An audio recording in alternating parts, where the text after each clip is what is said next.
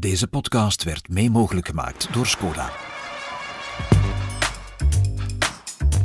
Welkom bij de Courses van ons, de wielerpodcast van het Nieuwsblad. Je moet daar niet meer aarzelen natuurlijk. Maar er sluit veel volk aan. Het valt stil. De grote drieën zijn niet kunnen wegrijden van de rest. Dit is je kansland. Ewan, Van der Poel, Schachman, Alaphilippe, Greg van Avermaat en Stuiven zit We gaan vooral vooruitkijken in deze podcast, want over minder dan een maand start in Bilbao, en dat is het Baskeland, de Tour de France. Dat betekent dat iedereen volop bezig is met de laatste voorbereiding, niet in het minst onze journalisten. Er zijn drie wegen naar de Tour. Dat is de Dauphiné, de Ronde van Zwitserland en de Pechstrook. Dat is de route van Tadej Pogacar. En ik heb bij mij twee collega's die niet op de pechstrook, maar op de derde rijstrook van de journalistiek vertoeven. Guy van de Langenberg, dag Guy. Dag Michael. En Stijn Joris. Hey Michael.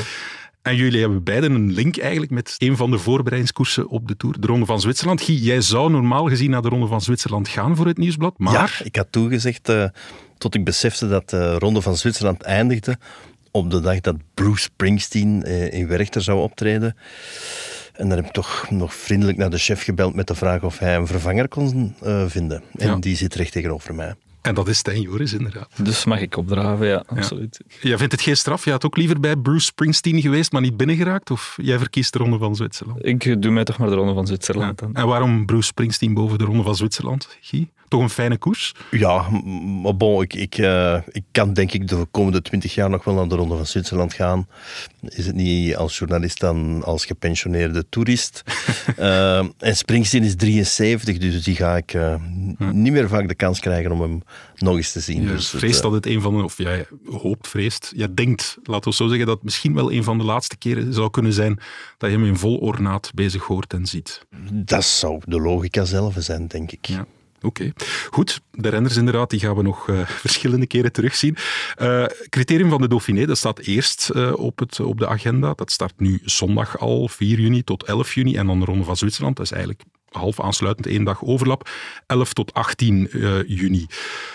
Uiteraard valt op, en dat is eigenlijk niets nieuws onder de zon, dat het deelnemersveld van de Dauphiné, als we richting klassementsrenners kijken, dat dat veel sterker is. Hè. Eh, ik ga een paar namen noemen. Adam Yates, Vingegaard uiteraard, Godu, Ben O'Connor, Landa, Carapaz, Bernal, Felipe Martinez eh, en dan Jay... Jay Hindley. Hindley. Is de correcte uitspraak, dank u Guy. Enrik Mas, bon, noem maar op. Eh, Ronde van Zwitserland, als we daar de mooie namen, dan hebben we Peter Sagan, Vogelsang, Girmay, Van Aert, Jay Vine, Ayuso, Teuns, Pitcock. Pitcock. Mooie namen, maar de Dauphiné... eh, hoe komt dat, dat dat in de Dauphiné toch echt dat kruim van, eh, van de ronde renners staat? Goh, ik, ik, ik denk dat veel renners eigenlijk al in een ASO-modus willen Het is niet omwille van Springsteen. Nee, nee, denk ik toch niet. Maar het parcours van de Dauphiné sluit altijd veel meer aan bij het parcours van de Tour. Eh, Omdat het dezelfde organisatie Zelfde is die organisatie ook, ja, ja. Hetzelfde gebied, hè, want het eindigt altijd in de Alpen. Mhm. Ik denk dat ze nu weer een aankomst hebben op de Croix de Fer. Ehm, het gebeurt ook vaak dat eh, aankomsten van eh, jaar X, dat dat het jaar X plus 1 aankomsten zijn in de Tour. Dus het is altijd wel handiger, denk ik, om, om de Dauphiné te doen in, in functie van de Ronde van Frankrijk. Mhm. Ja. Voor Vinegaard bijvoorbeeld, eh, die gaat ook nog even naar Tienje op hoogte daarna. hè. Dus ik denk misschien dat dat er ook nog iets mee te maken heeft, dat die klassementsmannen nog even een hoogteprikkel proberen in te lassen voor de Tour. En als je de Ronde van Zwitserland rijdt, is die te laat om dan nog op, eh, op een berg te gaan Ja. trainen. criterium van de Dauphiné, 11 juni, is inderdaad nog combineerbaar met een drietal weken op hoogte. Maar jij gaat Wout van Aert tegenkomen in de Ronde van Zwitserland. Die gaat blijkbaar niet meer op hoogte. Ja, nee, we hebben net gezien dat hem eh, al ter plekke is, blijkbaar ook. Eh, Ja, net voor de uitzending nog even de Instagram ge- gecheckt van Wout van Aert. En kijk, hij zit in Zwitserland blijkbaar al. ja, Het is vroeg. we weten niet of hem aan het verkennen is of eh, voor de lol een beetje aan het rondrijden is op een gravelfiets of zo. Het zou ook nog kunnen daar. Ik kan in Zwitserland ook perfect op hoogte stage, hè? Livigno. Ja. Ehm, waar je tax-free kan shoppen. Eh, Livigno kan je ook perfect nog op hoogte. Dus misschien verblijven ze daar nog een paar weken. Ik weet het niet. Want ze komen toch van de Sierra, dacht ik. Ja, ja. Ja. Ja. Goed, maar waarom heeft Wout van Aert dan voor die Ronde van Zwitserland gekozen en zit hij niet met zijn tourploeg in de Dauphiné? De meest logische verklaring lijkt mei dat hij daar twee tijdritten krijgt. Ja. En eh, iets waar hij de laatste weken, maanden minder mee bezig ge- geweest is. En eh, ja, hij gaat toch eh, sowieso op 2K de tijdrit normaal gezien wel rijden. En eh, eventueel ook het BK. Ehm, dus ideaal om die tijdritfiets, die tijdrithouding, nog eens allemaal eh, die routine vooraf, het zo nog eens allemaal door te nemen. Hè. Want de Ronde van Zwitserland start met een korte tijdrit en eindigt met een langere tijdrit. Hè? Eentje van 12 eh, op de eerste dag en eentje van 25 kilometer op de, op de laatste dag. Ja. En dan, als wij denken aan tijdrijders, dan denken wij uiteraard ook Belgische tijdrijders, dan denken wij uiteraard ook aan Remco Evenepoel. Er was vandaag een stuk in de krant, je hebt je hoofd daar gisteren over gebroken van zou, dat, zou hij starten, zou hij niet starten, want eh, zijn programma is nog niet bekend. Nee. Nu, we hadden al van de mensen van de Balois Belgium Tour te horen gekregen dat hij zeker niet bij hen zou starten. Ja, en de eh, Belgium Tour die is van 14 tot 18 Van juli. 14 tot 18, dus die overlapt met Zwitserland. Ja. Dus ja, dan leek... Dauphiné was sowieso, komt te vroeg. Ehm, er zit ook wel een tijdrit in, maar dat is er maar één. Dus Zwitserland ja, leek ons de meest voor de hand liggende keuze. En dan hebben zowel Stijn als ik gisteren meer dan een uur naar een persconferentie van de Ronde van Zwitserland aan het luisteren geweest.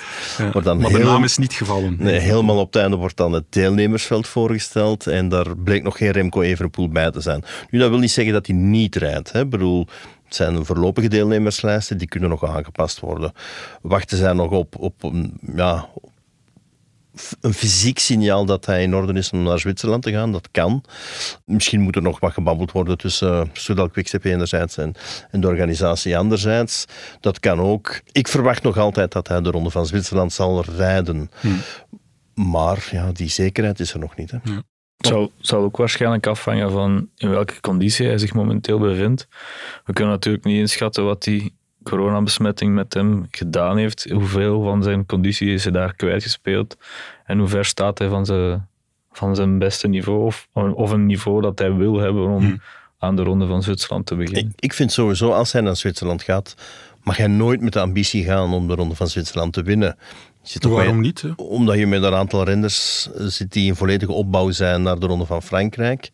Ik denk aan Van Aert, ik denk aan Pitcock. Terwijl hij, ja, het kan niet anders dan dat hij een fysieke terugval heeft gehad. Een fysieke terugval die hij niet kan recupereren in een... Ik bedoel, hij is denk ik gisteren of eergisteren voor de eerste keer iets op Strava gepost. Misschien heeft hij daarvoor wel gefietst, maar het was ook allemaal heel bescheiden. Dus hij is nog niet zo lang aan het, eh, aan het trainen onvoldoende, denk ik, om, om echt al in een heel goede conditie naar de Ronde van Zwitserland te trekken. Dus mocht ik Remco Evenepoel zijn, dat ben ik niet uiteraard, maar mocht ik Remco Evenepoel zijn, dan zou ik die Ronde van Zwitserland gebruiken als een opstapje naar het Belgisch kampioenschap tijdrijden en al hetgeen wat daarachter komt. Ik bedoel, je hebt nog het gewoon Belgisch kampioenschap op de weg. Oké, dat is niet zijn parcours, maar ja, je hebt nog heel veel doelen. Hè. En dan, dan kan hij terug op hoogtestage gaan richting wereldkampioenschap tijdrijden, richting het WK op de weg en al wat daar nog, eh, nog eventueel achter komt. eh, Ronde van Lombardije als het ultieme hoogtepunt. Hè. De Classica, San Sebastian, Klassica die hoort uiteraard, altijd dat is nog voor het WK. Hè. Dus, Want de- er is nog een naam waarover gespeculeerd wordt, omdat we zijn programma niet kennen. Dat is de winnaar van de Giro uiteindelijk, Primoz Roglic. Hij liet zelf de deur zo wat openstaan richting van, goh ja, de Tour. Hè. Iedereen weet dat dat nog op mijn palmares ontbreekt. eh, maar de ploeg lijkt niet geneigd om, om hem eh, aan de Tour te laten verschijnen. Ja, dan automatisch zou je ook denken, hij kan misschien teren op die conditie om de Ronde van Zwitserland te rijden. En dat zijn nu geruchten die ook gonzen van, zou hij ook niet starten? St- Stel je zomaar voor dat we in de Ronde van Zwitserland een soort van rematch voor de Giro krijgen met eh, Roglic en Remco. ja, maar in de Giro waren zij de favorieten. Ja. Ik, ik denk dat zij allebei met een andere mindset eventueel naar de Ronde van Zwitserland zullen afzakken. Ja. Maar het zou wel een grappige speling van het lot zijn. Ja, ik denk Of wel, misschien nog samen in de Tour. eh. Ja, ik Stijn. denk dat hij nog verder kan borduren, Roglic, op die vorm van de Giro, nu in de Ronde van Zwitserland. Maar om dan naar de Tour te gaan met ambities, dat lijkt me helemaal moeilijk. Maar eventueel natuurlijk in een dienende rol, als ze hem zo ver krijgen. Hm. Dat zou nog een optie kunnen zijn. Want dan zou ik Zwitserland niet rijden. Als, als hij in de Tour gaat, zou ik Zwitserland niet rijden. Ja, het is dat. Stel, speculatief in een podcast mogen wij speculeren. Stel, eh, Remco Evenepoel rijdt de Ronde van Zwitserland en die presteert daar heel goed, eh, wint ze misschien, whatever. Ja, de laatste jaren, vroeger was dat anders. Hè. Vroeger was, eh, had de Ronde van Zwitserland een weinig voorspellende kracht, maar de laatste jaren is dat wel Geraint Thomas die ze won, die op het podium stond in de Tour. Bernal die de Ronde van Zwitserland won, die de Tour won. En dan Carapaz, dacht ik, eh, in 2021, die eh, op het podium in de Tour stond en de Ronde van Zwitserland Ja, won. Stel, stel dat Remco het goed doet in de Ronde van Zwitserland, zou, zouden ze dan toch nog durven? Ik laat de eer aan Stijn. Stijn, wat denk je? Ik- Ik denk niet dat we helemaal mogen uitsluiten dat hij de Tour niet rijdt, maar ik denk niet dat hij de Ronde van Zwitserland dan kan rijden vooraf. Ja. ja. Dan moet dus hij- als, het, als zij start in de Ronde van Zwitserland, dan is het duidelijk dan... eh, Dat lijkt mij wel, ja. Op zich is het duidelijk, want Patrick Lefevre heeft gezegd hij rijdt de Tour niet, punt. Het lijkt mij ook de meest verstandige beslissing. Ja. Misschien ook een beetje een, een vreemde of een speculatieve gedachte, maar Wout van Aert, met twee tijdritten zou je die Ronde van Zwitserland kunnen winnen. Dat is op zich toch niet uitgesloten, hè? Het lijkt me sterk dat hij met die ambitie zou starten. Ik denk dat hij vooral mikt op die twee tijdritten en zich klaar te stomen voor de Tour. En die tijdritten lijken me ook niet van die lengte om, om gigantische kloven te slaan met eventuele echte klimmers, die dan weer meer in het voordeel gaan zijn in, die- in al die andere etappes. Maar ja, moesten die, die andere kandidaat eindwinnaars van de Ronde van Zwitserland gigantisch door de, door de mand vallen, dan zou het zomaar kunnen dat, dat hij nog in een kansrijke positie is op de dag van Ja. die laatste tijd. Hè. De vraag is ook Tom Pitcock. Hè? Die is eh, vorig jaar naar de Tour een beetje geweest als soort van rittenkaper, vrijbuiter. Maar hij heeft die Tour nu eens meegemaakt. Ineos Grenadiers gaat weliswaar met een sterke ploeg, maar een echt uitgesproken kopman zullen zij in de Tour toch niet eh, brengen. Of iemand waarvan we zeggen van ja, die doet absoluut mee voor de, de eindwinst. Denk het niet. Bernal is een groot vraagteken. Wat gaat Pitcock in die ploeg doen? Wat zou zijn, zou zijn bedoeling toch iets meer zijn om al richting klassement eh, te gaan voor de Tour? Of, of lijkt dat te vroeg? Ja, het is een ultieme ambitie, dus ja, ik, ik vind wel dat hij de Tour moet rijden alsof hij voor het klassement gaat. En hij zal er ook voor gaan. Ehm, niet ervan uitgaande dat hij podium zal rijden zoals Thomas vorig jaar deed. Ehm, en in die functie denk ik ook wel dat hij de Ronde van Zwitserland wil aanpakken als een klassementsrenner met, met al hetgene soort wat van erbij... test van, om te zien Jawel, van... jawel. Geen gekke dingen doen en, en echt wachten op die laatste beklimmingen. Dus ik, ik, ik verwacht ook wel veel van Pitcock. Ik bedoel, hij kan ook wel een eindje tijd rijden. Ehm, ja, Zwitserland een eerste klassementstest en dan de Tour, ja, nog eens een klassementstest. Zonder de uitgesproken ambitie om op het podium te komen. Maar van je kent renners als Pitcock, die hebben altijd wel die ambitie om op het podium Ja. te komen. Dus, dus dat zal wel zeker in zijn achterhoofd spelen. Eh, het is nog geen uitgemaakte zaak wie er allemaal meegaat, maar ik verwacht niet dat Geraint Thomas erbij zal zijn. Dus denk ik, ja, Bernal, een beetje afwachten hoe hij uit de Dauphiné komt.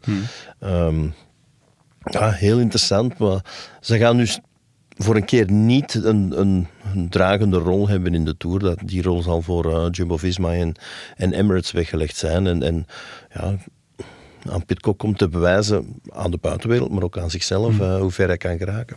Ehm, het voordeel van iemand als Pitcock is, moest het tegenvallen, kan hij nog altijd eh, het geweer van schouder veranderen en voor het zegens of zo gaan. Hè. Maar het zal voor hem wel een soort van nieuwe mindset zijn, want hij is toch ook, ook altijd een renner geweest die ja, voor het plezierkoers, die, die gul is met zijn krachten, die voor ritzeges gaat, om echt als ronderennen spaarzaam. Ik zeg niet nog zo extreem als, als Geraint Thomas, maar, maar hij gaat toch meer die mindset moeten hebben. Dat, dat is wel iets, iets nieuws voor hem, denk ik toch? Dat is nieuw, maar hij heeft altijd wel die ambitie uitgesproken om ja. ooit een grote ronde te winnen. Dus als hij die ambitie uitspreekt, ja, dan moet hij er ook naar leven. En, en Dan is het stilaan tijd om dat eens te proberen, om dat om is die te proberen, omschakeling te absoluut. maken. absoluut. Ik geloof daar iets minder in, omdat het toch een beetje een speelvogel blijft. En voor zo'n ronde van drie weken moet je toch echt ah, elke dag met de les zijn. En ik ben bang dat dat moeilijk gaat- het moeilijkste voor hem gaat zijn.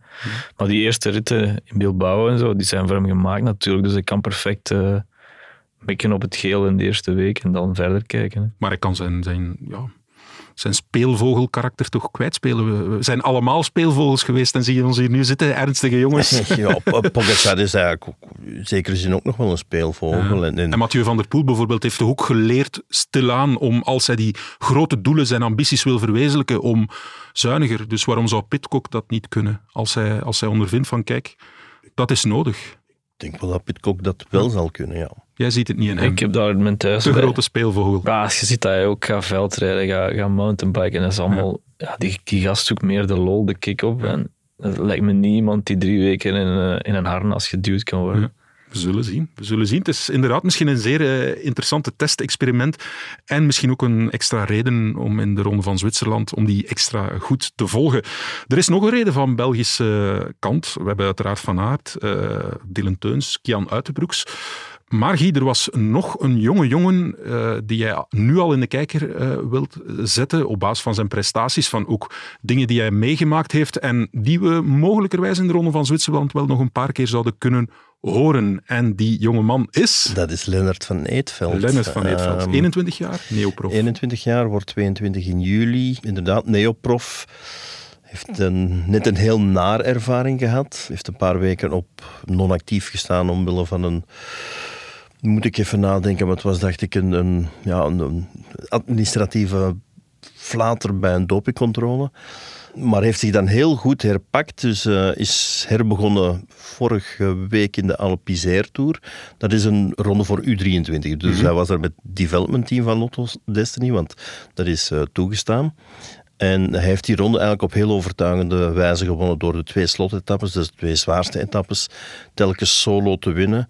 Oscar Unley, die tweede was van team DSM, die reed vooruit normaal ook met de grote jongens, maar die deed ook mee voor het development team. En die werd toch altijd wel op, op 35, 40 seconden gezet.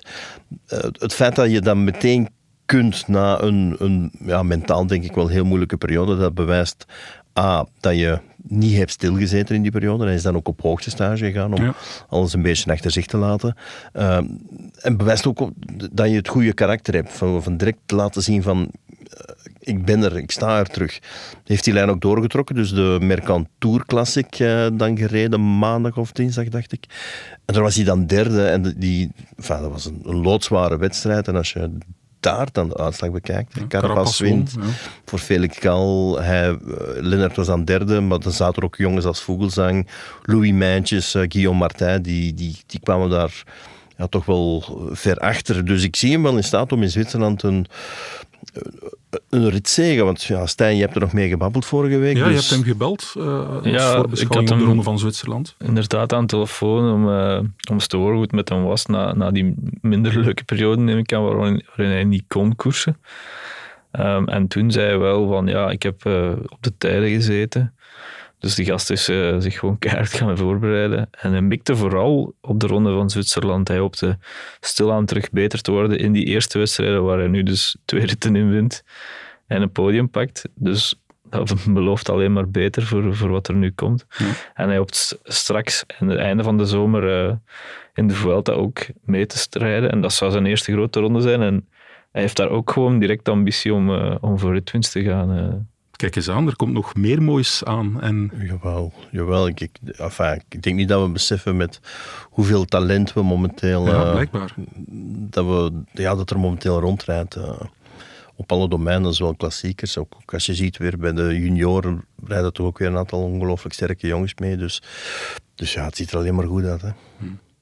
Ja, want uh, Lennart van Eetveld was een van de jonge wolven die collega Maarten Delvaux gevolgd heeft in het voorjaar. En uh, ja, ik vond het een fantastische anekdote. Hij heeft inderdaad klierkoorts gehad uh, vanaf september. Maarten vroeg hem dan in het begin van dit seizoen, toen hij prof werd, wat hij met zijn eerste profloon gedaan had. En hij antwoordde daarop, ik heb het al, eerder, al voordat ik het kreeg uitgegeven. En dan denk je van, ja, er gaat een of andere leuke horloge of... Uh, nee, maar het, hij had het uitgegeven aan een hoogtestage die hij in december uh, gedaan had, of een stage in Spanje, laten we zeggen, die hij uit eigen zak betaald had, al met voorschot van zijn eerste loon. Ja, dan denk ik, dan ben je wel gefocust met je zaak bezig. Hè? En dat is ook de enige manier om er te geraken. Ja, ja heel ja, straf. Hij zei zelfs dat zijn winter door die klierkoorts een beetje verstoord was. Maar hij, won wel, hij stond ook meteen twee keer op het podium in, uh, in Mallorca in, in Mallorca, januari. Ja, ja, ja. Dus uh, als die jongen... Dus heel mooie namen daar. Hè. Dat is uh, ook sterk bezette koers. Hè. Ja. ja. Goed, het zijn jongens in opbouw, maar... Ja, ja Mallorca, dat is inderdaad een koers in opbouw. Ja. En als je, als je dan echt al vroeg... Maar als neoprof? Jawel, jawel, jawel. Maar ja, Kobe Goossens won daar twee etappes. Nu, Kobe is een, is een fantastisch goede prof aan het worden. Hmm. Maar is niet die triple-A-figuur... Uh, ja. Mallorca was, was, was zeer goed, maar, maar ja. was nog, eh, veel belangrijker, heeft het nu bevestigd. Dat is, ja. uh, en inderdaad, na een uh, mentaal moeilijke periode met die onzekerheid, met die eh, neusspray. Hij is inderdaad volledig gezuiverd, eh, vrijgesproken. Maar hij heeft dan gezegd van om het achter mij te laten ga ik op hoogtestage. Ook een heel knappe manier hè, om niet te zeggen ik ga in de zetel zitten huilen en misschien eh, mij te goed doen aan allerlei eh, Ja. dingen die niet mogen. Nee. Maar ook niet vergeten, net voor hij uit competitie werd genomen, heeft hij nog de Waalse pijl gereden. was hij ook 22e. Ja, ja, ja, Om als eerstejaars 22e te eindigen op de Waalse pijl, dat, niet evident. dat is niet zo evident inderdaad. Lender van Eetveld onthoudt die naam. Ja. Voilà, en wij gaan nu luisteren naar een boodschap van onze partner. En net als vorige week hebben we een fantastische giveaway. Ditmaal voor de actieve fietser. Stay tuned. Je gezin is net als een wielerploeg. We moedigen elkaar aan. En we weten dat we met de tips van onze ploegleider alle kansen hebben om echte kampioenen te worden. Skoda, supporter van de grootste fietsfamilie.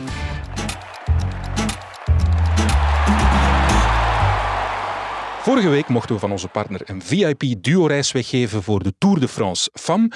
En de gelukkige winnares is Astrid de Keizer. Zij mag samen met een vriend, vriendin of familielid naar de Tour de France FAM. Proficiat en vooral veel plezier. En onze nieuwe giveaway is niet minder mooi, want we mogen van onze partner liefst negen duo-reizen weggeven voor de Skoda Cyclo du. Dat is een fietsevenement op Alpe d'Huez ten voordele van de strijd tegen kanker. Concreet, je moet jezelf kunnen vrijmaken van 21 tot en met 24 juni, want dan gaat het door, een beetje last minute. En je moet ook op eigen kracht naar Alpe d'Huez kunnen reizen. Maar de beloning is niet min, want je mag gratis met twee personen vier dagen en drie nachten vol pension verblijven in het Club Med Resort Alpe d'Huez. En er is een deelname aan de fietstocht en de beklimming. Dat is op 23 juni samen met Philippe Gilbert en Maxime Pirard. Dat is de voormalige wereldkampioen Gran Fondo. Fantastische prijs dus. Ik zou zeggen, ga als de bliksem naar de Instagram-pagina van het Nieuwsblad Sport en volg daar de instructies op de wedstrijdpagina. De winnaars worden persoonlijk verwittigd en we maken de namen ook bekend in onze volgende uitzending. Succes!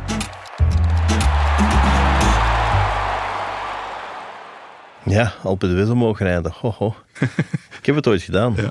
Maar niet in een club met eh, geslapen. Eh, nee, ik sliep beneden in Bourdoisan. Ja. En jij ging vlot naar boven. Staat er nog een, een kom op Strava van jou? De bergaf misschien, maar Bergaf. bergop zeker en vast niet. Het was een verschrikkelijk warme dag Ja. tijdens het WK voetbal 1998. Kijk, en als een zijsprongetje voor een reportage mocht ik ook nog Alpe de Wisse mogen rijden. Ja. Op een gehuurde koersfiets. Eh, want dat is ettelijke kilo's gereden. Eh, De haartooi was toen al dezelfde, dus ik...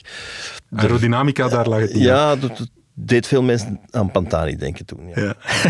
Heb je hem niet opgelopen vorig jaar, Michael? Ja, een stukje, ja, inderdaad. Een stukje, ja. Maar eh, ik heb ook ooit Alpe d'Huez opgefietst. En vooral, dat was eh, een evenement met Roger de Vlaming. En ik, wa ik was en ben een heel slechte daler. En eh, ik had dat tegen Roger verteld. En Roger zei, ja, maar dat alles is alles te maken met lijnen volgen. Hij zei van, kijk, als we boven zijn, zet u in mijn wiel, volg mijn lijnen. En je gaat zien, dat gaat perfect. En ja, je weet, eh, Alpe d'Huez heeft 21 haarspelbochten. En ik denk, na een halve bocht was Roger al met de noorderzon verdwenen. En ik kon zijn lijn absoluut niet volgen. Dus ik heb heel weinig bijgeleerd, maar wel vooral gezien dat Roger de Vlaming op zijn eh, iets gezegende leeftijd, dus wel al even geleden, eh, nog altijd heel goed kan dalen en veel beter dan mij. Voilà. Alpe d'Huez, inderdaad, vorig jaar zat hij in de Tour de France. En eh, daar is een Netflix-documentaire over gemaakt. Eh, die komt binnenkort eh, uit, dacht ik. Ik weet niet wanneer precies. volgende week, vrijdag 8 juni, Ja, komen de eerste vijf afleveringen online. Ja, en jij hebt, jij hebt het geluk gehad, je hebt die in preview al mogen zien en jij mag daar misschien al een tipje van de sluier lichten. Waarover gaan die afleveringen? Want ja, ze zijn vorig jaar opgenomen. Is heel lang naar uitgekeken. Is het de moeite waard? Wat, wat heb je gezien? Ehm, ja, ik heb het vorig jaar de- het privilege gehad om het zelf allemaal een beetje van dichtbij mee te mogen maken. En het was toch leuk om het nog eens terug te zien. Ja. Eh, de eerste aflevering gaat over eh, de ritwinst van eh, Yves Lampaard. The Farmer's Son. Eh, de Farmer's Son blijft toch een heel cool moment Die quote zit er toch zien. in. Ja, absoluut. Ja. En eh, ook de, de rit van Fabio Jacobsen, waarbij ze dan nog eens terug in de tijd gaan naar zijn val in Polen. eh, en hoe hij daar eh, aan de dood ontsnapt is. In de tweede aflevering zit er eh, meer Jumbo-Visma in al. Mhm. Krijgen we ook een ontbijtscène ten huize van Aert. eh, met eh, Sarah, George en, en, ten- en de hond eh, zelfs erbij. Ja, Oké. Dus echt wel, ze gaan echt wel tot in de huiskamer, zal ik maar zeggen. Ja. En in de derde aflevering gaat het meer over de Franse ploegen. AG Duer en eh Groupama FDG. Ja. En dan wordt er heel veel toegespitst naar eh, La Planche de Belleville, waar eh, Pinot eh, niet zo ver van woont. Een klim die hij eh, ettelijke keren gedaan heeft. Maar het hoogtepunt valt dan een beetje tegen, want hij is een van de vroeg gelosten op die, op die klim. En eh, bij AG Duer vond ik persoonlijk een beetje schrijnend. De Franse slag waarvan wij Ja, spreken, er klopt wordt het? vaak Zie gezegd dat dat Franse teams een beetje achterop Ja. hinken. Ja, ze komen naar die, die tour met Ben O'Connor, waarmee ze hoopten op het podium te belanden. En die brave jongen valt eh, een paar keer in de eerste etappes, maar dan valt ook op, vind ik, eh, wanneer ze die mens eh, tactisch iets proberen bij te leggen of het plan proberen te ontwikkelen, dat dat uitsluitend, nagenoeg uitsluitend in het Frans kan. Ehm, de ploegleider Julien Jourdier, als ik me niet vergis, Die, ja. Maakt nog wel uit met, op mijn tattoos, waar Ja, eh, de dingen die hij gewonnen heeft of, neer, of ge, hij gepresteerd heeft als ploegrijder opstaan. Maar als hij dan zich tot Ben O'Connor richt, dan eh, moet die jongen zijn best doen om eh, elk woord in het Frans te ontcijferen en te proberen begrijpen. Dus de voertaal is Frans in dat internationale Absoluut, gezelschap. Ja, Terwijl Ben O'Connor is Engelstalig. ja dat is een Australiër, absoluut. Ja. Nu denk ik wel, mochten zij, enfin, de, de Franse ploegleiders in het Engels spreken, dat Ben O'Connor ook moeite zou moeten doen om het te verstaan. Dus ik weet niet echt wat het beste is. Ja, Misschien ze de- kwamen niet veel verder dan Are you okay? Is this good? Eh, Ja, oké. Dus het, is, het heeft een beetje zo eh Mobistar gehalte van El Dia Menos Pensado, waarin alles fout loopt. Eh, Ja, daar deed het me echt aan denken, En bij Jumbo-Visma, Wout van Aert, krijgen nog, nog dingen te zien buiten de ontbijtscène. Interessante dingen, want er is nu, zijn nu al zoveel documentaires eh, rond Jumbo-Visma eh, verschenen.